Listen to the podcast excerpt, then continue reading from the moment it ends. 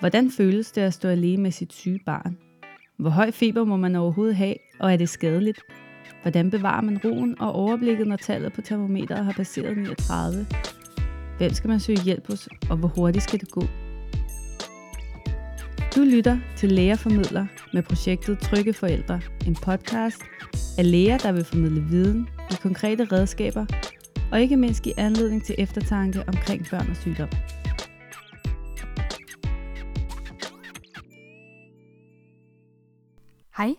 Og velkommen til en ny episode af vores podcast Trygge Forældre, hvor det i dag handler om atopisk dermatitis eller børneeksem. Et emne, som har været længe undervejs, om som jeg har glædet mig utrolig meget til at berøre i dag. Mit navn er Laura, og jeg er en del af Lægeformidler, en gruppe, som har til formål at gøre jer derude trygge i omgang med sundhed og sygdom. Den her podcast omhandler børn og de mest almindelige symptomer, man som forældre kommer til at opleve hos ens barn. Og børneeksem er helt klart øh, en af de hyppigste hudsygdomme i barndomsalderen.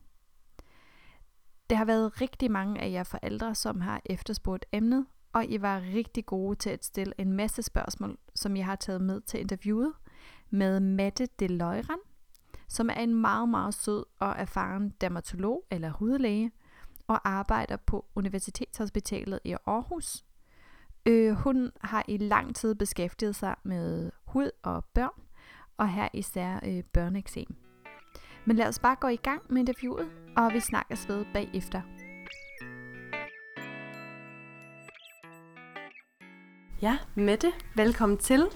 Uh, tusind tak, at du har taget dig til til uh, det her interview omkring uh, atopisk dermatitis, eller børneeksem.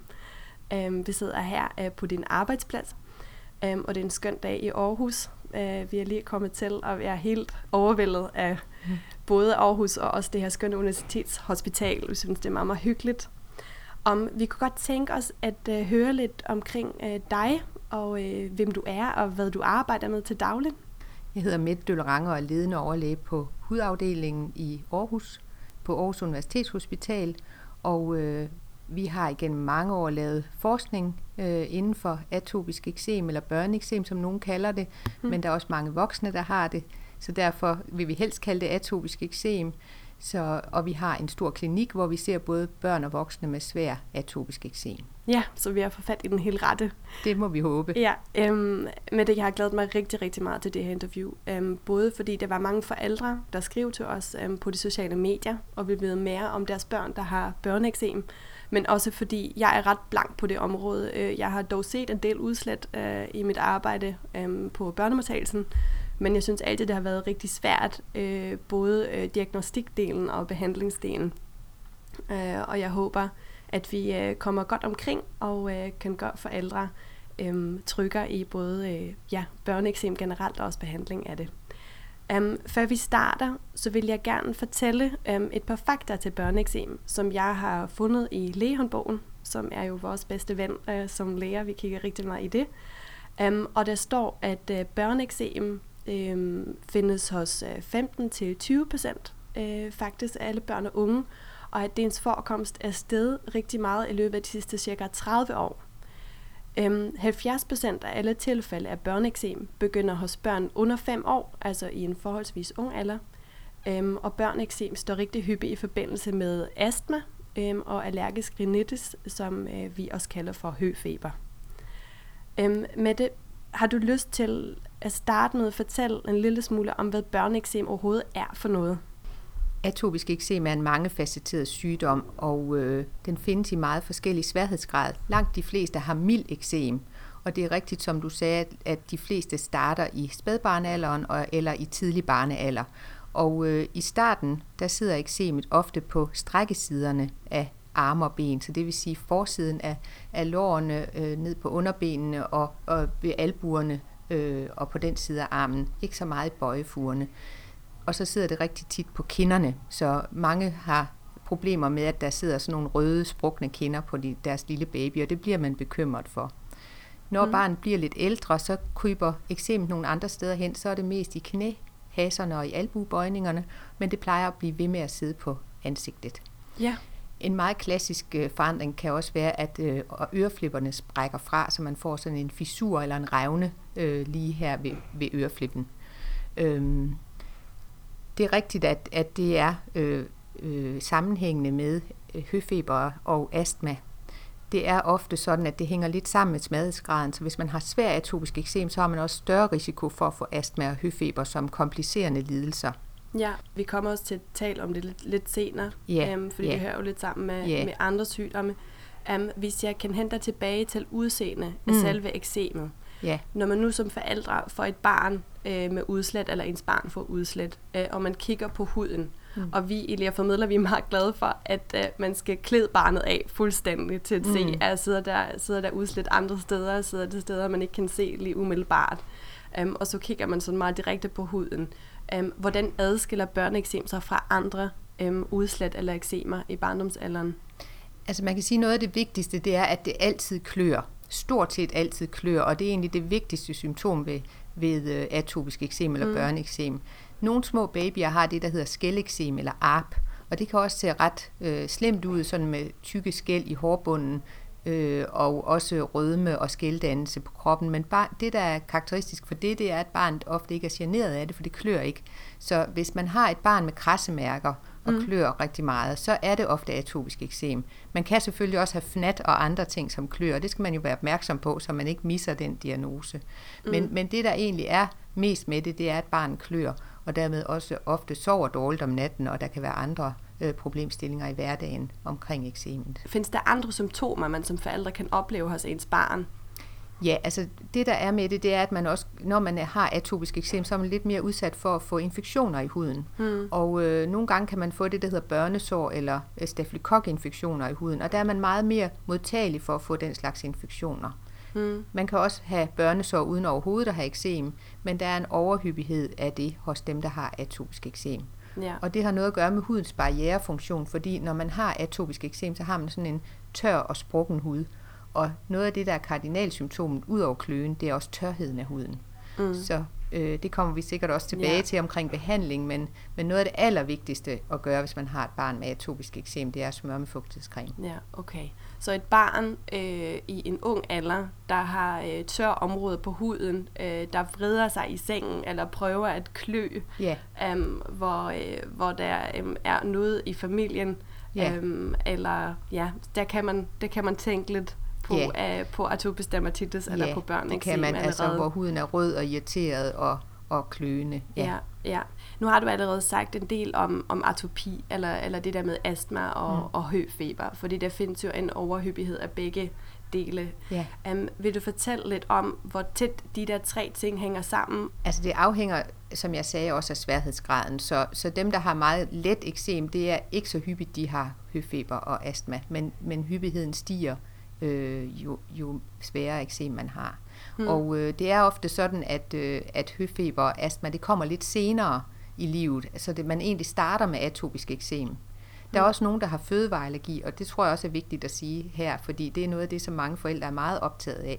Har mit barn fødevareallergi, og er det det, der er årsagen til, at det har eksem? Hmm. Og bare lige for at sige, sådan hænger det ikke sammen. Eksemet er den primære sygdom, men så kan man have komplicerende fødevareallergi. Og nogle gange kan det være med til at forværre eksemet, men det er ikke det, der har udløst eksemet. Og det tror jeg er rigtig vigtigt, fordi jeg har tit nogle forældre, der kommer og siger, find ud af, hvad lille Peter ikke kan tåle af fødevarer, så vi kan blive af med eksemet. Og sådan er det altså ikke. Mm-mm. Men, men eksem kan blive bedre, hvis man adresserer fødevareallergien, og det er selvfølgelig også vigtigt, at man undgår noget, man ikke kan tåle. Men man skal ikke sætte sit barn på en meget restriktiv diæt, hvis man ikke ved noget om, om det har nogle fødevareallergier. Øhm, jeg tænker, hvis man nu er en mor øhm, eller en far, der har haft øh, børneeksem selv, øhm, eller har astma, eller har høfeber, øhm, hvor stor er sandsynligheden for, at ens barn kan udvikle øhm, både børneeksem, men også astma eller høfeber, altså i, i samme øh, Det trilogi? har jeg ikke lige nogen procentsatser på, så, så det Nej. kan jeg ikke sige, men, men vi ved, at i mange familier er det sådan, at der er nogle andre i familien, der har noget i forvejen. Mm, mm, så det er bare sådan en overhyppighed, man ja, siger? det er en overhyppighed, ja. Ja, Ja. okay, Ja.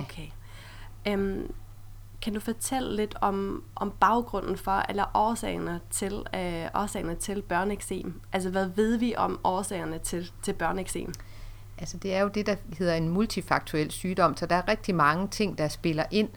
Øh, noget af det, som er kommet til siden 2006 af ny viden, det er, at en del af dem, der har børneeksem, har en ændring i generne, der koder for et overfladeprotein. Mm. Bliver det sådan lidt teknisk? Nej, der jeg synes, hedder, det er mega spændende. Der ja. hedder filagrin. Mm-hmm. Øh, og filagrin, det er sådan et, et øh, protein, der fugter huden. Når det bliver nedbrudt i huden af nogle enzymer, så bliver det til noget, vi kalder natural moisturizing factor, det vil sige en naturlig fugtende faktor i huden. Og når man mangler den, så får man en tør og sprukken hud. Ja. Og en barrieredefekt af huden, kan man sige. Nogle af mine kolleger sammenligner øh, hudbarrieren hos en normal med sådan en plastikpose. Mm. Så man kan sige, den, den øh, afviser ligesom ting udefra. Men hvis man har den her sprukne hud, så kan man sige, at det er måske sådan en murstensvæg, der mangler mørtel lidt. Ja. Så, så løber der nogle ting ind udefra, og det kan for eksempel være allergifremkaldende stoffer eller irritanter, hvis man nu vasker med vand og sæbe, og man har den her defekt i hudens barrierefunktion, så, så får man meget nemmere eksem. Mm. Det er ikke sådan, at alle, der har atopisk eksem, mangler det der filagrinprotein. Det er der måske mellem en femtedel og en tredjedel, der gør. Øh, men så er der også noget andet, som er lidt øh, interessant, det er, at alle, der har atopisk eksem, har jo en tør og sprukken hud. Ja. Så hvorfor er der kun nogen, der har en ændring i det gen der? Og det er fordi, at når man har betændelsestilstanden i huden, og man får sådan nogle proteiner ind, som producerer betændelsesstoffer, kan man sige, når man har aktivt eksem, så nedregulerer det filagrinproteinet. Okay. Så selvom man ikke har en gendefekt, så, så øh, gør det gør selve sygdommen, at man har mindre af det der, der hedder natural moisturizing factor. Ja, det er super spændende, selvom det blev lidt teknisk. Øhm, Lad os, lad os tale lidt om omgivelsesfaktorer, fordi det ramte mig faktisk lidt, at i lægehåndbogen står der, at det er en øget hyppighed, eller at det, at det er flere børn, der har udviklet det inden for de sidste 30 år. Der kan man jo tænke på, hvordan vores verden har udviklet sig inden for de sidste 30 år. Er der et eller andet, der er undersøgt, hvad, hvad det kunne være, øhm, der, kunne, der kunne give børn børneeksem? Altså det er jo en interessant observation, fordi man kan sige, at hvis det er en sygdom, der kun er udløst af generne, så kan den ikke ændre sig så drastisk over mange år, og der må være andre faktorer, der spiller ind. Mm. Vi ved jo, at, øh, at mange altså livsstilsændringer kan, kan ændre hyppigheden. For eksempel ved man, hvis man vokser op i landlige omgivelser, omgivet af dyr, og måske også får lidt mere jord under neglen, og ikke er så ren hele tiden, så er der faktisk færre, der får atopisk eksem. Men hvis man vokser op i sådan et meget rent miljø inde i en by, hvor man bliver vasket hele tiden, mm. øh, så ser det ud som om, og ikke har så stor en børneflok også, så ser det også ud som om, man får lidt mindre eksem. Ja. Men noget af det, der er sket jo selvfølgelig inden for de seneste 30 år, det er også, at der er også mere forurening, der er flere kemiske stoffer, og det kan man ikke sådan lige sætte, at det er det stof, som gør forskellen. Men der er i hvert fald en masse miljøfaktorer, som er anderledes nu end for 30 år siden. Ja. Noget af det, som man også skal være opmærksom på, det er, at, at forældre er nok også mere, lidt mere opmærksom på deres børn nu om dage. Og hvis de havde en rød plet for 30 år siden, så var det ikke sikkert, at man gik til læge. Så ja. derfor er der nok også en mere sådan, øh, opmærksomhed, og at man søger læge tidligere. Så derfor kan det også være noget, der øger procentsatsen af dem, der faktisk bliver diagnostiseret. Ja, absolut. Altså jeg tror, det er noget, vi ser med rigtig mange andre børnesygdomme også. Ja. Altså at det stiger ja. i hyppigheden, og så tænker man, at det er fokusen, der har der er skiftet. Det kan godt være det også, og så selvfølgelig en masse andre faktorer. Ja, absolut. Ja. absolut. Ja. Også det der med sådan urene omgivelser eller sådan noget. Der tænker ja. jeg på min mor, der sagde, at vi skal bare lege udenfor og i sandkasser yeah. og spise en masse sand, og sådan, yeah. altså på den måde. Ikke? Og det er, jo, man... det er jo interessant det der med, at, at øh, man tror, at man får mere eksem, hvis man, arbejder, ja, hvis man er vokset op i sådan nogle omgivelser, men mm. det er mm. faktisk lige modsat. Ja. Og det er nok, fordi vi bliver udsat for forskellige ting, altså, og måske også tidligt bliver introduceret til for eksempel hund og kat og sådan noget. Mm. Men det, der så er lidt svært, det er jo, at hvis man først har atopisk eksem eller børneeksem, så anbefaler vi jo ikke, at man skaffer en hund og kat, fordi så er der større risiko for at få allergi. Ja, så, så der er ligesom noget, ja, så der er noget med miljøfaktorer generelt i befolkningen, hvor man siger, det er nok godt at vokse op i sådan nogle omgivelser, men har man først sin atopiske eksem, så synes jeg, det er en dårlig idé at købe en kat, og måske også en hund, fordi der er der større mm. risiko, man får, at man får ud allergi over for de ja. dyr der. Ja, okay. Så fraset, at man skal flytte ud på landet, øhm, findes der andre faktorer, man kan have indflydelse på, som, øh, som for alle, for eksempel med det der med cremes og parfumestoffer osv., Altså kan man, kan man forebygge børneeksem, eller øhm, er det, det er slet ikke noget Det er der faktisk nogle meget interessante, ret nye studier, der viser noget om. Fordi hvis man nu, er voks, hvis man nu bliver født ind i en familie, hvor der er stor risiko for, at man får atopisk eksem, eller astma eller høfeber. Så har man lavet nogle forsøg, hvor man har taget børnene så tidligt, som man nu kunne få fat i dem som hudlæger, og så har man begyndt at smøre dem med fugtighedscreme to gange om dagen.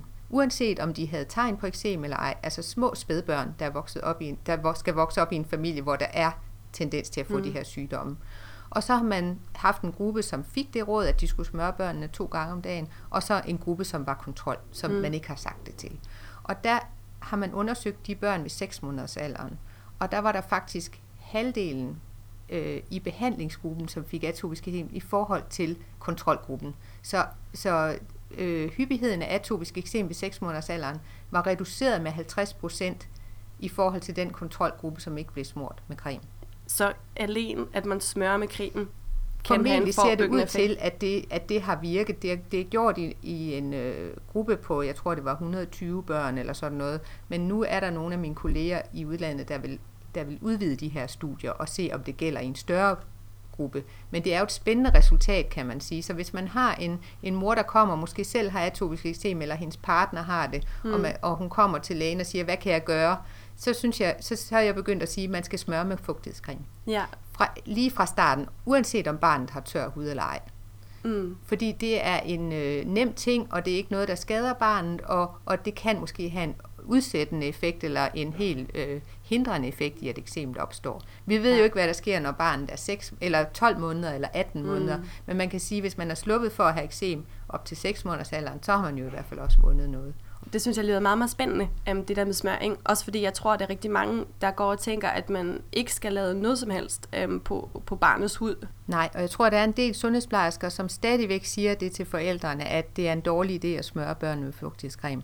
Øhm, det er selvfølgelig vigtigt, at man bruger en uparfumeret creme, og, og jeg også synes jeg er en god idé, hvis den er godkendt af Astma Allergiforbundet mm. eller Svanemærket eller andet, så man ikke øh, bruger en masse unødige kemikalier på, en, på barnets hud. Og egentlig vil jeg også gerne fraråde naturcremer og sådan noget, der indeholder kurblomster og andre ting, som man også kan blive øh, sensibiliseret for eller blive allergisk overfor.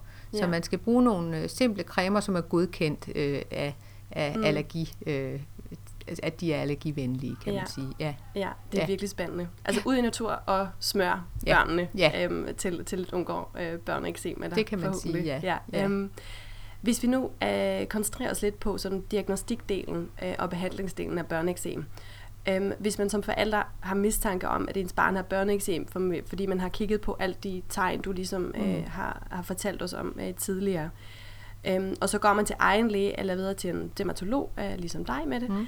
Øhm, er der nogle spørgsmål, man kan forberede sig på? Altså er det, er det nogle ting, man kan holde øje med op til besøget, øh, som er optimalt forberedt? Øh, hvordan altså, ser det ud? Altså man kan jo holde øje lidt om barnet trives, kan man sige. Ikke? Også hvordan sover de om natten? Øh, reagerer de eventuelt på nogle fødevarer? Det der er med fødevareallergi, for lige at komme tilbage til det, øh, det er, at øh, langt fra alle børn med atopisk eksem har fødevareallergi. Men langt de fleste af dem, der har fødevareallergi, har samtidig atopisk eksem. Mm. Så man kan sige, at det er den gruppe, man skal lede efter dem med fødevareallergi. Og hvis man har nogle symptomer på det, det kan for eksempel være, at barnet bliver rød omkring munden, at det måske får tynd mave, nællefeberudslæt, hvis, når de spiser noget ret kort, kort tid efter, at de har spist noget mad, så, så skal man være opmærksom på, om der kan være en fødevareallergi, og så kan man teste det med en allergitest. Mm. Men hvis man for eksempel reagerer dagen efter med, at eksem blusser op, efter man har spist noget, så er det meget, meget sjældent, at det har noget med fødevareallergi at gøre. Så mm. symptomerne skal som regel komme inden for ret kort tid, efter man har indtaget noget mad. Mm, altså man skal kigge lidt på, på trivelsen ja, af, af barnet. Det altså, synes jeg. Har ja. barnet det godt, øh, øh, som ja, lidt de almindelige ja, ting, ja, man, man kigger ja, på. Ja. Um, og så om der er et eller andet form for, for, for allergi ja, um, ja. Og, og forbundet med noget. Ja, om der, man reagerer på noget specifikt øh, overfor med nogle symptomer, for eksempel det jeg nævnte med, med at barnet får diarré eller får øh, opkastning, når det spiser noget, eller får nællefeber, eller mm. at eksemet forværres, bliver rødt og blussende. Øh, ja. men, så, så der er nogle symptomer, man skal holde øje med, og så skal man tænke over, hvad kunne det være, der havde udløst det. Men igen, det er langt fra alle børn, der har atopisk eksem, som har fødevareallergi. Ja, og hvis man nu er hos dig med det, og, så, mm. øhm, og du undersøger barnet, øhm, og også måske går videre med noget allergitest, hvad, ved vi sådan en basisundersøgelse af sådan et barn indebærer?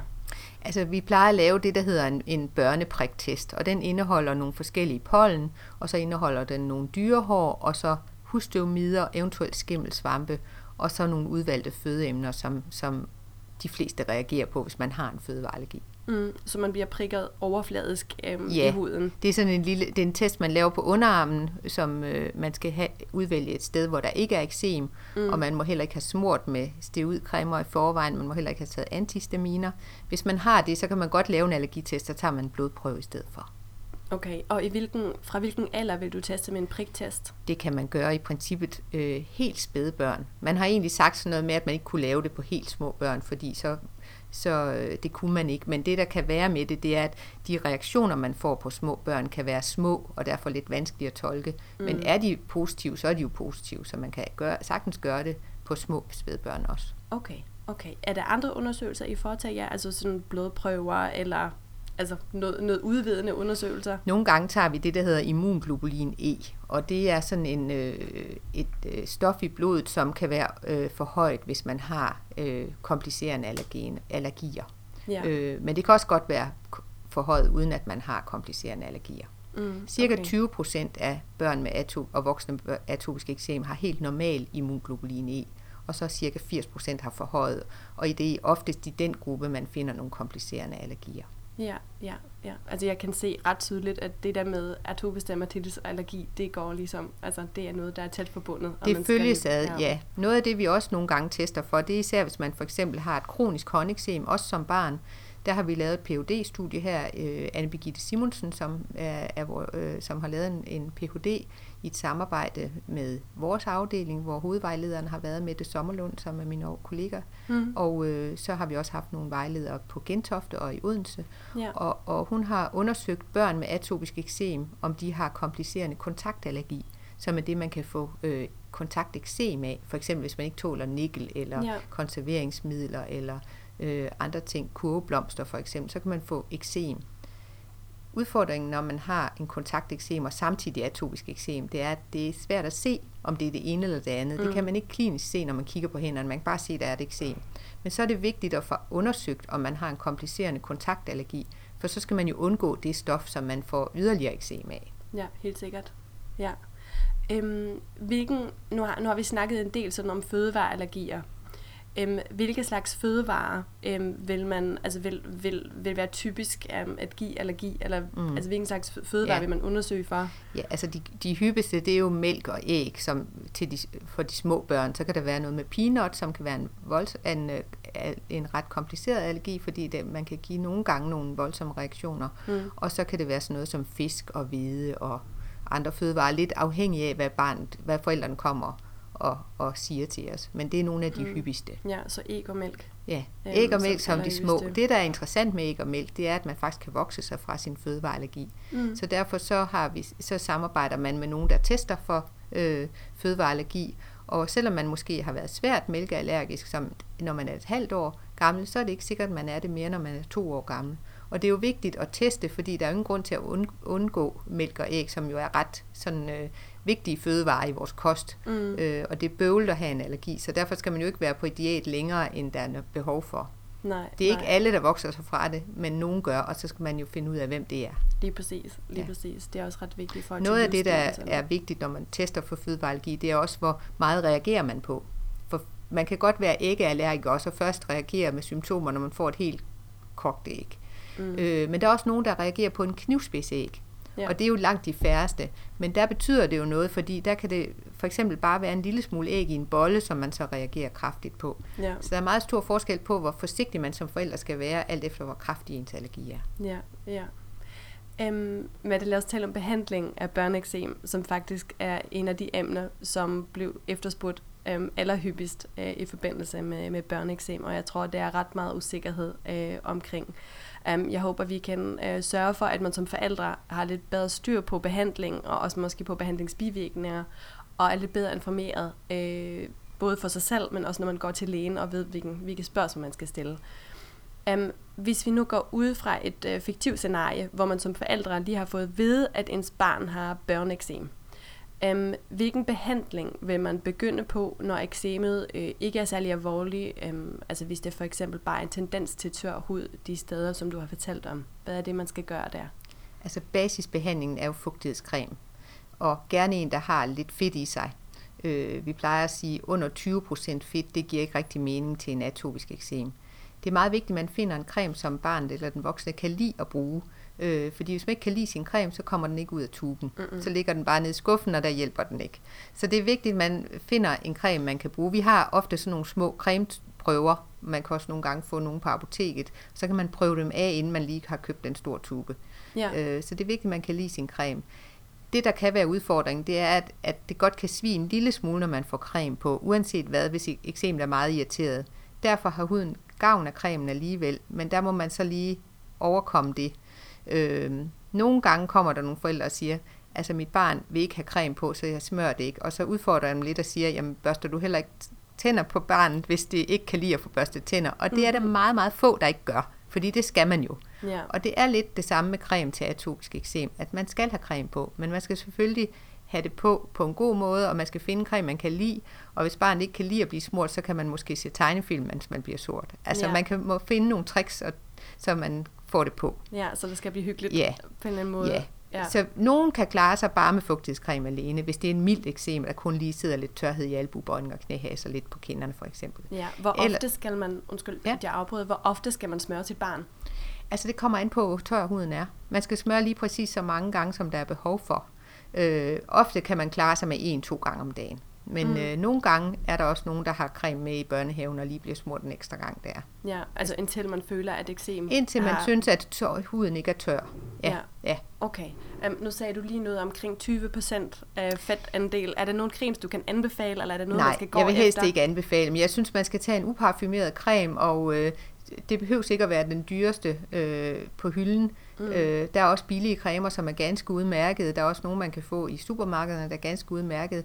Apoteket har også mange øh, matas og så videre. Ja. Så, så jeg vil helst ikke reklamere for nogle Nej. bestemte produkter, men uparfumerede og så godkendte, som vi talte om tidligere. Okay. Altså allergitestet, kan man sige, eller god, for eksempel Svanemærket, eller godkendte Astmaallergiforbundet, mm. eller tilsvarende. Det er allerede, ja, det er allerede ja. meget god råd, ja. øhm, så man også går lidt efter sin egen smag. Mm. Øhm, nu kan jeg forestille mig, at der er rigtig mange forældre, især nu, nu, har vi, øh, nu, nu går vi lige mod sommeren, og, mm. øhm, og at, at have et barn, der har kronisk øhm, udslæt, mm. øhm, kan indebære noget, øh, noget livsstilsændring, eller nogle ting, mm. der lige pludselig popper op i hovedet, sådan, mm. ej, jeg skal på ferie om to uger, hvordan gør jeg nu? Um, er der nogle ting, man skal være opmærksom på med sollys eller, eller vand, eller tøj for den uh, sags mm. skyld mm. også? Altså er det noget, man kan modificere, når man har et barn med børneeksem? Altså man kan sige generelt, så har de fleste med atopisk eksem glæde af sol og saltvand. Så tit mm. bliver eksem bedre om sommeren. Øh, man skal selvfølgelig passe på, at sit barn ikke bliver forbrændt. Det er meget vigtigt, også selvom det har eksem, så man skal bruge en solcreme ja. for at hindre, at barnet bliver forbrændt. Men barnet må gerne være ude og også få noget saltbad. Det, det hjælper tit på eksem. Langt de fleste får det bedre. Der er nogen, der får det lidt værre, hvis det er rigtig varmt, og de sveder meget, fordi så klør huden mere. Mm. Så det skal man selvfølgelig være opmærksom på. Og, og let påklædning. Øh, man skal også passe på, at man ikke sover for varmt, og nu er det jo rigtig varmt lige de her dage, øh, så derfor kan man godt komme til at svede, hvis man har for, for tyk en dyne, så man skal ikke være alt for hårdt klædt på, kan man sige. Øh, fordi kommer man til at svede, så, så klør huden ofte. Yeah. Så let og blød påklædning. Øh, og bomuld anbefaler vi egentlig i forhold til for eksempel uld, som ofte kommer til, at man kommer til at klø af, hvis man har uldtøj på. Så det anbefaler vi ikke til atopisk eksem.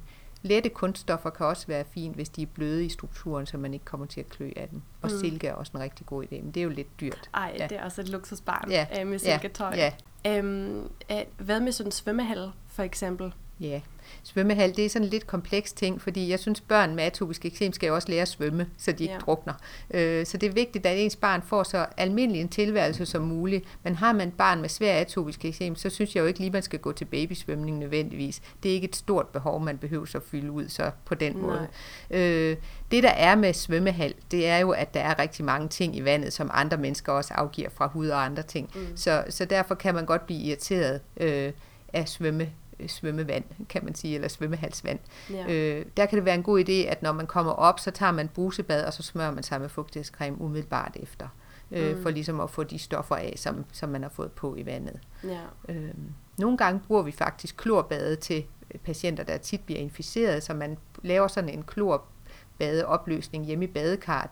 Og det virker måske lidt modsat, når man nogle gange kan blive irriteret af svømmehallen. Men jeg tror ikke, det er kloren, man bliver irriteret af i svømmehallen. Det er alle de andre ting, der er i vandet også. Ja, ja det er rigtig godt at vide. Mm. Ja. Um, hvis vi nu går videre til det lidt mere svære tilfælde af børneeksem, eller det der opblussen af børneeksem, mm. Mm. Um, hvordan går man videre i behandlingsregimet der? Altså basisbehandlingen her er øh, steroidcremer, mm. øh, binyrbarkhormon, holdige cremer i forskellig styrke. Og øh, det er en rigtig god behandling. Det hjælper rigtig godt på eksemet, og det er vigtigt, at man bruger cremerne også, så huden ikke tager skade af et svært eksem, som ikke behandles, og måske bliver inficeret nemmere. Øh, det er en udfordring, fordi der er mange, der er lidt bekymrede for at bruge steroidcremerne, men gør man, som lægen siger, så er det faktisk sikre præparater. Ja, øhm, i forhold til de forskellige styrker, hvordan vil man, øh, hvordan vil man bygge det op, sådan et behandlingsregime? Altså det kommer lidt an på alderen, og det kommer an på sværhedsgraden. Steroidcremerne er delt op her i Danmark i fire styrker, mm. hvor et er den mildeste og fire er den stærkeste. Det er meget sjældent, man bruger gruppe 4 til børn. Øh, det er også lidt afhængigt af lokaliteten af huden. Altså for eksempel bruger man stærkere cremer på hænder og fødder, hvor huden er tyk, mm. og mildere cremer omkring øjnene, på kønsorganerne og i ansigtet, hvor huden er mere tynd. Så, så man skal differentiere mellem, hvad det er for et hudområde, man skal, skal have smurt med cremen. Og der er det lægens opgave at informere om, hvilke cremer, der skal bruges hvor, så man ikke bliver usikker på det, når man kommer hjem. Ja, det er rigtig vigtigt. Vi har sådan en lille folder om, om brug af steroidcremer, hvor man kan se, hvilken gruppe det præparat tilhører. Ja. Fordi det kan godt være noget forvirrende, når, når man øh, kommer hjem med tuberne. Den, der har 0,05% kan for eksempel være den stærkeste, og 1% kan være den mildeste. Så det går ikke efter procentsatsen, Nej. det går efter indholdsstoffet. Ja, det er og rigtig det, vigtigt. Og det kan være meget forvirrende, hvis man ikke lige har fået det at vide præcis, hvilken man skal bruge hvor. Ja. Hvor længe skal man smøre med sådan en øh, binebærkhormonholdig creme? Det er også det, der hedder et godt spørgsmål. Noget af det, som jeg som er rigtig vigtigt at fortælle forældrene, når de kommer med deres barn, det er, at mm. vi har ikke noget, der kan kurere eksemet. Ligesom hvis man har et brækket ben, og man sætter sammen, så er det helbredt. Vi kan ikke helbrede atopisk eksem, vi kan kun behandle det. Og mm. det er egentlig noget, som mange slet ikke havde tænkt på. De tænker, at hvis man nu smører i tre uger, så må det gå væk, og så bliver det væk. Men ja. det er en kronisk lidelse. Nogen heler op af sig selv i barnealderen, men nogen bliver ved med at have eksem. Og der er det altså ens øh, opgave som forældre at behandle eksemet, når det er aktivt så barnet får så godt et liv som muligt og kan lave de, andre, de ting, som andre børn kan til, så i så høj grad som muligt. Ja, det betyder, at hvis man har tør hud eller basispleje, er altid en fedtcreme, og ja. så når det opblusser, så behandler man med steroidcreme. Ja, så behandler man med steroidcreme. Og hvis man har et regulært udbrud, så skal der ofte daglig smøring til i to til tre uger. Ja. Længere tid, end man måske lige tror. Hvis man nu er lidt bekymret for at bruge de her præparater, så gør man det måske bare lige en to-tre dage, til det sådan lige akkurat ser nogenlunde ud, og så holder man op. Mm. Men den taktik kan altså gøre, at man nogle gange kommer til at bruge mere præparat i længden, fordi så hopper det op og ned hele tiden eksemet. Og man ja. skal tænke lidt på eksem, altså hvis man nu har overfladen af huden, og den ser lige præcis pæn ud, så nedenunder øh, i huden, der ligger der en masse betændelsestoffer og venter på at lige lave eksem igen. Og der er det altså vigtigt, at man behandler nogle dage til nogle dage efter, at det er blevet pænt. Så hvis det nu er pænt om mandagen, så bruger man lige tre dage mere smør der stadigvæk, så det bliver rigtig trykket ned. Og så kan man have en større chance for, at eksemet ikke lige blusser op igen. Okay. Um, findes der nogle uh, alternativer til, uh, til den her standardbehandling, vil jeg sige, altså til børn, der slet ikke har gavn af, af binobakholdige cremes, eller deres eksem ikke bliver bedre af det? Det gør der, ja. Der er noget, der hedder kalcineurinhæmmere, og indholdsstofferne i dem er det, der hedder pimecrolimus eller tacrolimus. Øh, så det er nogle stoffer, som har en anden virkningsmekanisme end steroidcremerne. Mm. Og dem er der også mange, der har glæde af. Det er det, vi kalder andenvalgsbehandling, hvis steroidcremerne ikke har tilstrækkelig effekt, eller hvis man er nødt til at smøre dagligt i lang tid, så der kan være risiko for, at man får noget udtynding af huden. Mm. Så kan man gå over på de stoffer der. Man kan også kombinere det, så man smører nogle steder med steroidcremerne og nogle steder på huden med kalcinurinhæmmerne. Så ja. det er der også en mulighed for. Mm.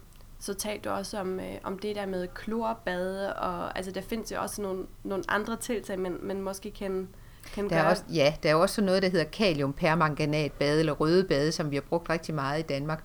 Det er mest, hvis eksem er meget væskende og ser inficeret ud, så kan man tør, udtørre øh, og øh, eksemt og også hæmme øh, øh, betændelsen, som er i huden med røde bade. Det er sådan noget, man skal have noget instruks i, fordi det, det farver huden lidt, og det kan også grise meget hjemme i badeværelset, hvis man ikke ved, hvordan man skal håndtere det. Men det er noget, hudafdelingerne og nogle gange hudlægerne også ordinerer til patienterne. Mm, Ja. mm, okay, jeg har også læst om tær.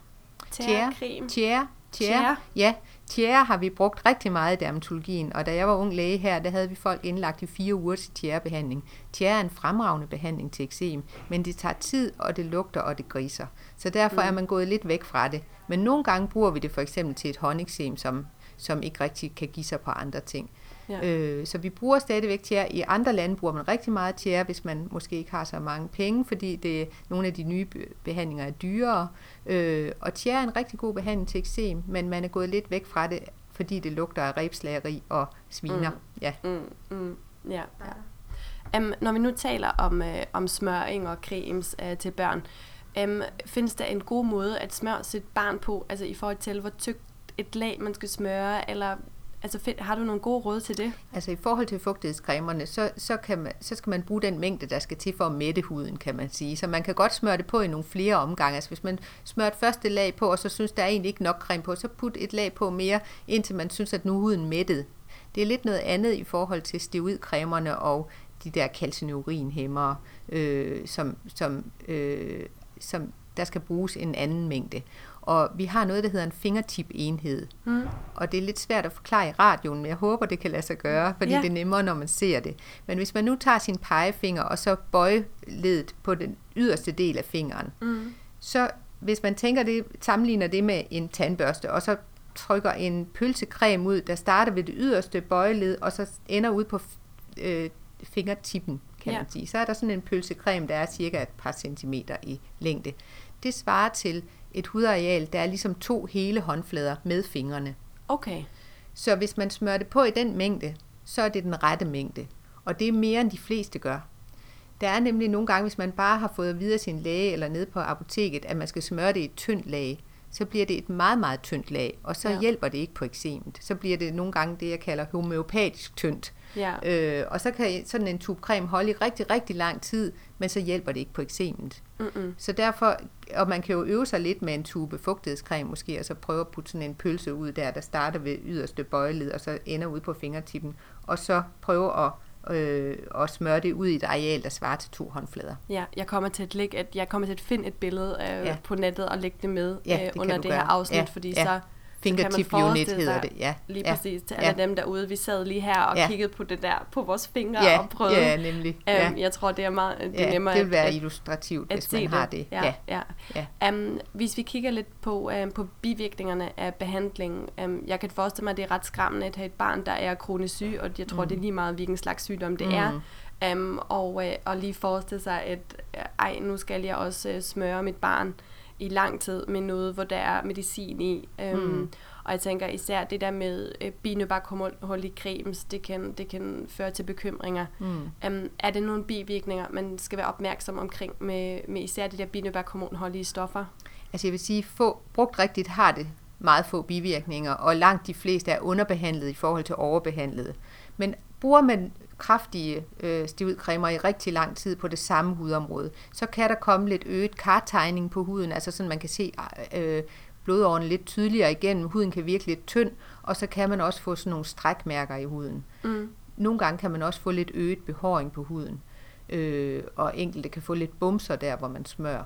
Øh, så det er ligesom de bivirkninger, man skal være opmærksom på. Men Mm. igen, så synes jeg, det er vigtigt, at man bruger sine cremer, og har man den bekymring, så tal med lægen om det, fordi det er vigtigt, at man får det diskuteret igennem.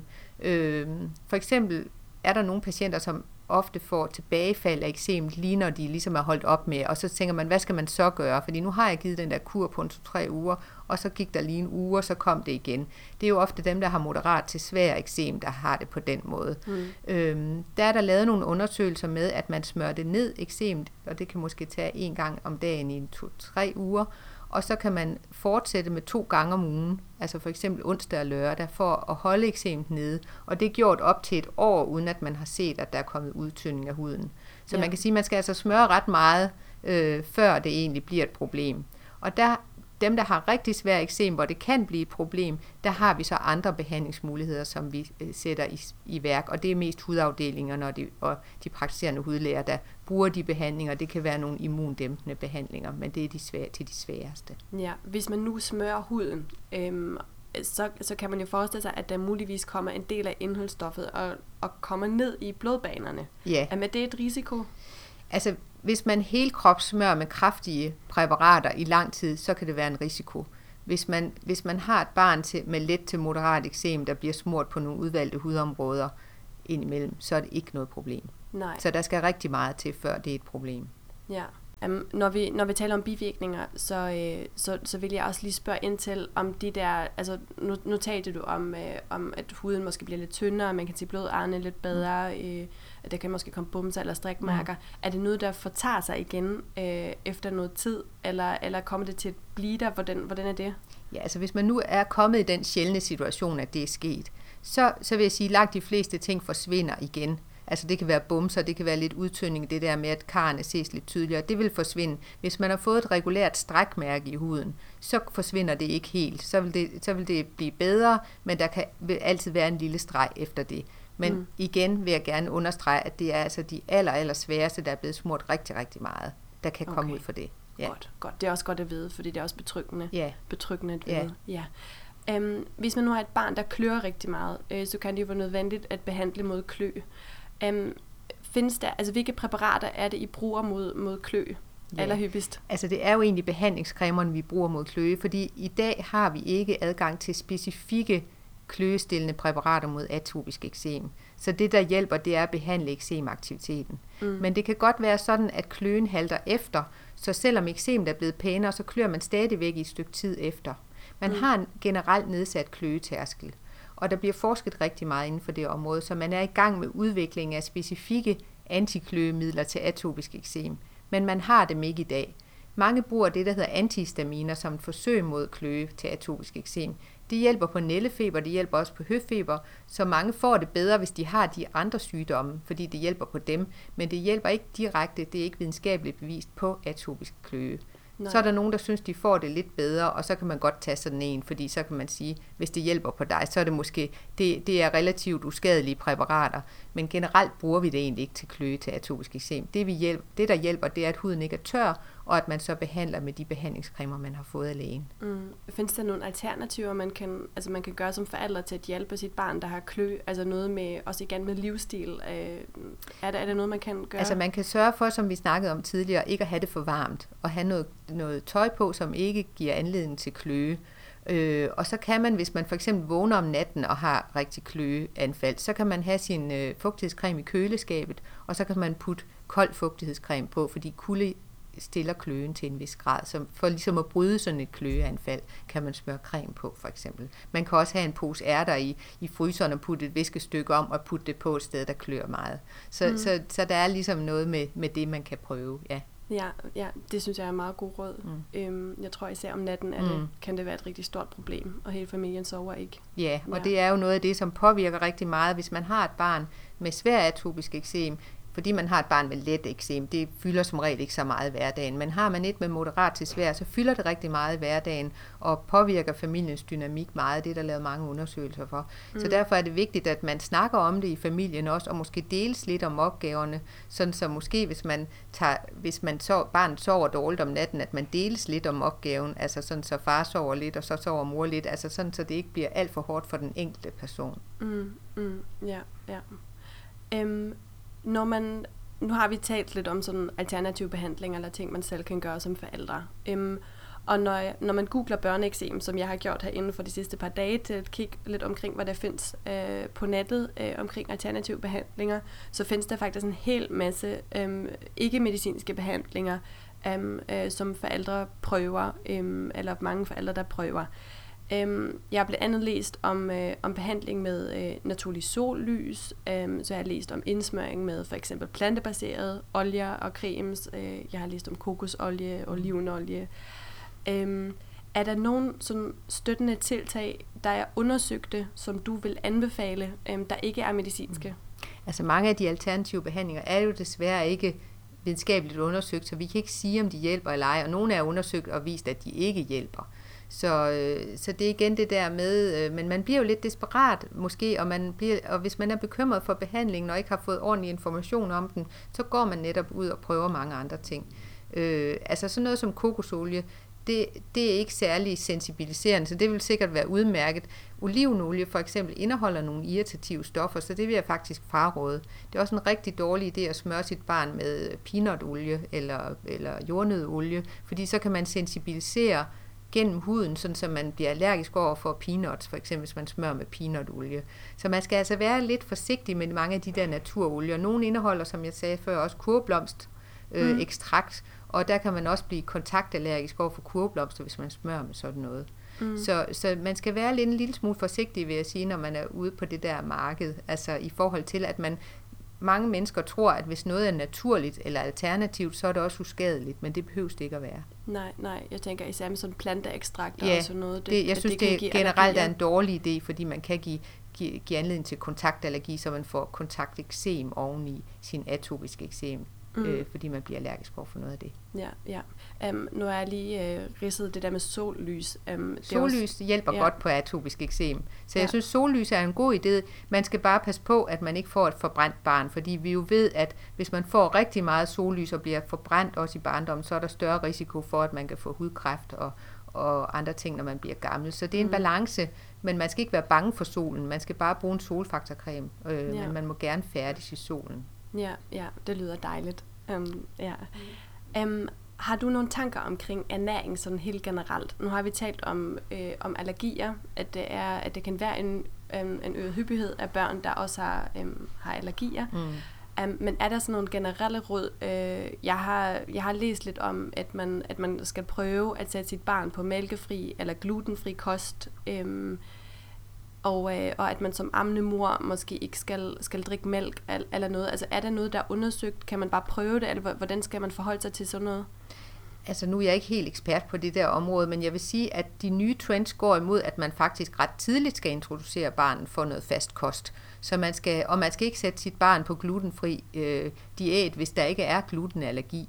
Så jeg synes, man skal være forsigtig med diæter. Man skal egentlig give barnet øh, forskellige fødeemner, når det er klar til det. Øh, og med mindre, at der er påvist en specifik fødevareallergi, så synes jeg ikke, man skal sætte barn på en speciel kost. Mm-mm. Men har man en mistanke om, at de kunne have et fødevareallergi, så skal, en fødevareallergi, så skal man teste for det. Mm, altså når man, når man ser, at, at ens barn reagerer på, på fødevarer, eller er lidt usikker omkring, så, mm. så tale med lægen om det, yeah. og, og prøve yeah. at, at at leve et Jeg synes, man skal tale med lægen om det, i stedet for at sætte barnet på en meget ensidig kost. Altså, det er sjældent, men jeg har nogle gange set nogle børn, som er blevet fejlernæret, fordi de simpelthen ikke har fået de essentielle fødeemner, fordi forældrene selvfølgelig i bedste mening har sat barnet på en diæt, men som ikke var hensigtsmæssig. Mm, mm, mm, mm. Så det skal man være rigtig opmærksom Ja, det skal man. Ja, ja. ja. godt. Um, hvad med for eksempel kosttilskud øh, i form af B-vitaminer, magnesium, zink, Øhm, jeg har også læst om probiotika. Er der noget, der er undersøgt i det område? Altså man kan sige, at probiotika det er ret, øh, ret velundersøgt, og man har også lavet kliniske forsøg, hvor man har prøvet at give probiotika. Det, det giver ikke sådan den helt store effekt. Måske er der i nogle undersøgelser en marginal effekt af det. Men, men man er jo meget opmærksom på, om, om tarmfloren har betydning for immunsystemet, så man ligesom øh, udvikler nogle sygdomme nemmere, hvis, hvis der ikke er så mange forskellige øh, mikroorganismer øh, i tarmen for eksempel, eller på huden, at man har risiko for at udvikle forskellige sygdomme. Det er ikke noget, der sådan er øh, meget undersøgt, men det er noget, der er meget opmærksomhed på, også i forhold til forskning omkring det her. Ja, okay. Så probiotika, det kan man godt prøve? Det kan man godt prøve. Det sker der i hvert fald ikke noget ved. Ja, ja, okay. Og øh, i forhold til, øh, for nogle mange år siden, der var der meget omkring kæmpe natlysolie, eller epogam, mm gamma-linolensyre, øh, som man prøvede til, og lavede også nogle forsøg med at, at give patienter med atopisk eksem det at se, om det hjalp. Og det viste ikke signifikant øh, forskel på den behandlede gruppe i forhold til, til øh, kontrolklubben. Men der var nogle enkelte patienter, som syntes, det var helt fantastisk, men det, det viste sig ikke øh, med statistisk øh, forskel i forsøgene. Ja. Så øh, derfor så er det ikke noget, vi generelt anbefaler. Nej. Til sidst vil jeg gerne komme ind på forløbet af børneeksem, øh, hvad man sådan, som forældre kan forvente. Um, og til en start øh, vil jeg egentlig gerne komme ind på komplikationer um, af børneeksem. Nu sagde du allerede, at det der med hudinfektioner, det kan være et problem. Um, hvad er sådan generelle komplikationer, man som forældre øh, skal, skal tænke på? Mm. Altså, altså når man har øh, atopisk eksem eller børneeksem, så har man ofte gule stafylokokker på huden, som jo egentlig er sådan en sårbakterie, man nogle gange bliver inficeret med, hvis man er indlagt på sygehus og bliver opereret. Der er også øh, patienter, eller normale personer, kan man sige, der ikke har atopisk eksem, som huser stafylokokker på huden, men det er en stor problemstilling, at man ofte får infektioner i huden med stafylokokker, mm. når man har atopisk eksem. Og det har nok noget at gøre med den dårlige barrierefunktion, altså som gør, at, at øh, bakterierne nemmere trænger ind i huden.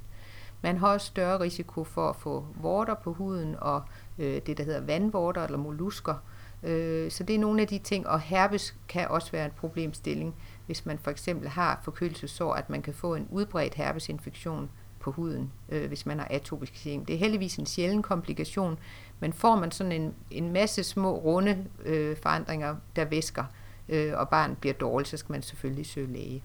Ja. Og nogle gange, hvis man har en udbredt infektion med stafylokokker, kan der også være behov for en antibiotikabehandling. Ja, ja. Um, vil du lige fortælle, hvordan en stafylokokinfektion ser ud på huden? Nu sagde du gule... Ja, det viser sig jo ofte ved, at eksemet det bliver rødt og varmt og hævet og væsker mere.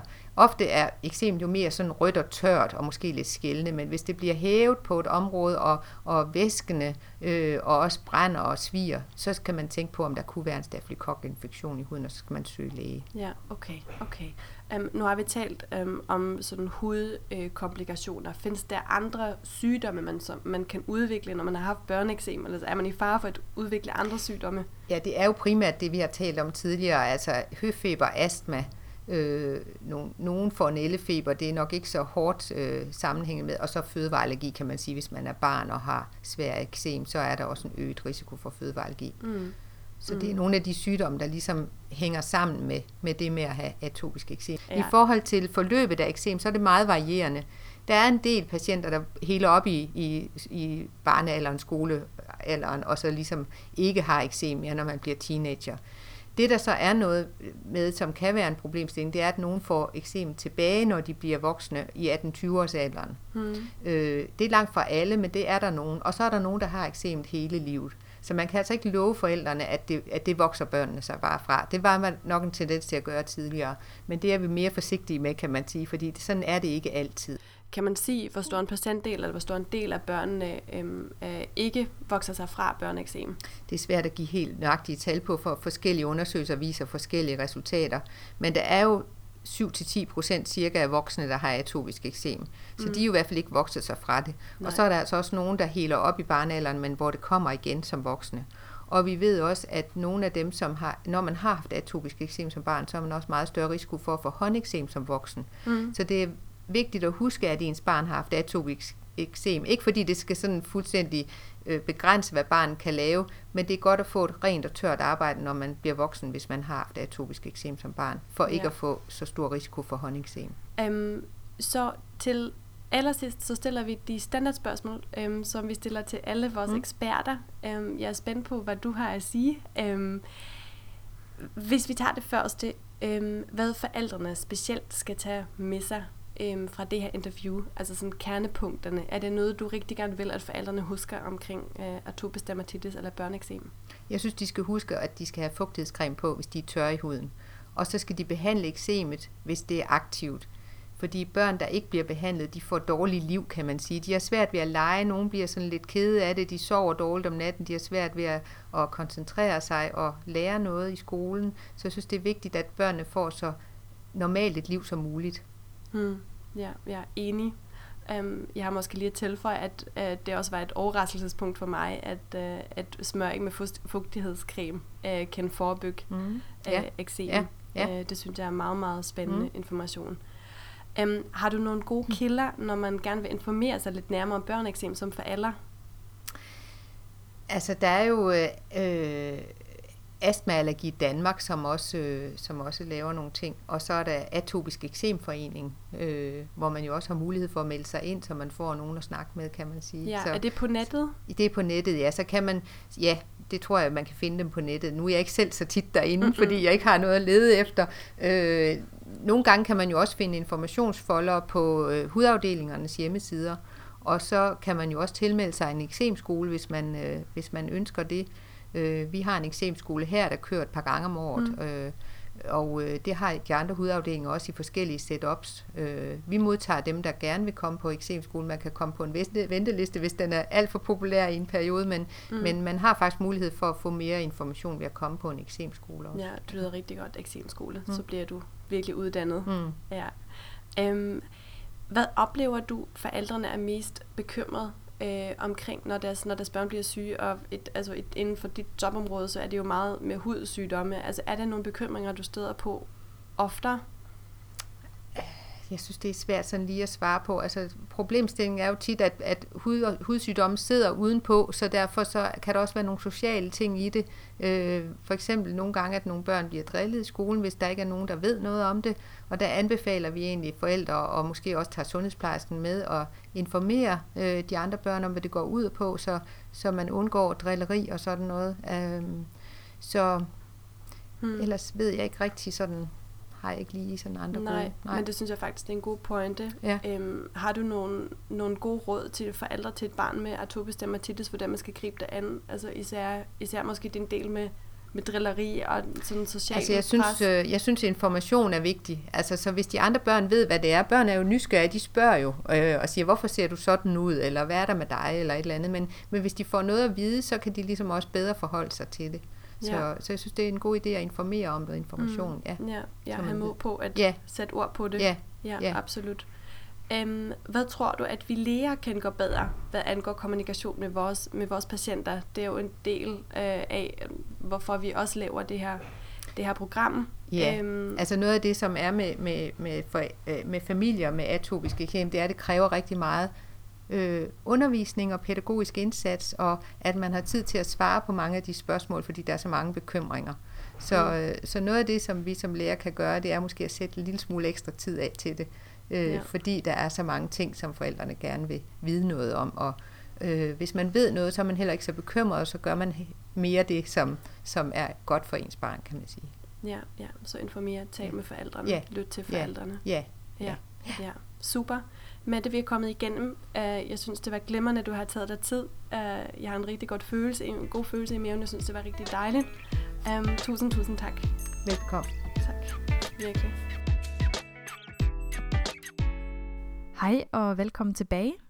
Jeg håber, at I er ligesom mig blevet klogere og har forstået mere omkring børneeksem. Du kan finde billeder og links på vores hjemmeside under den her episode, og kom gerne med dine spørgsmål og inputs til episoden på vores sociale medier, altså Facebook og Instagram, eller skriv en mail til mail at Vi glæder os til at høre fra dig, øh, og du må have en rigtig god dag. Øh, vi lyttes ved. Hej hej.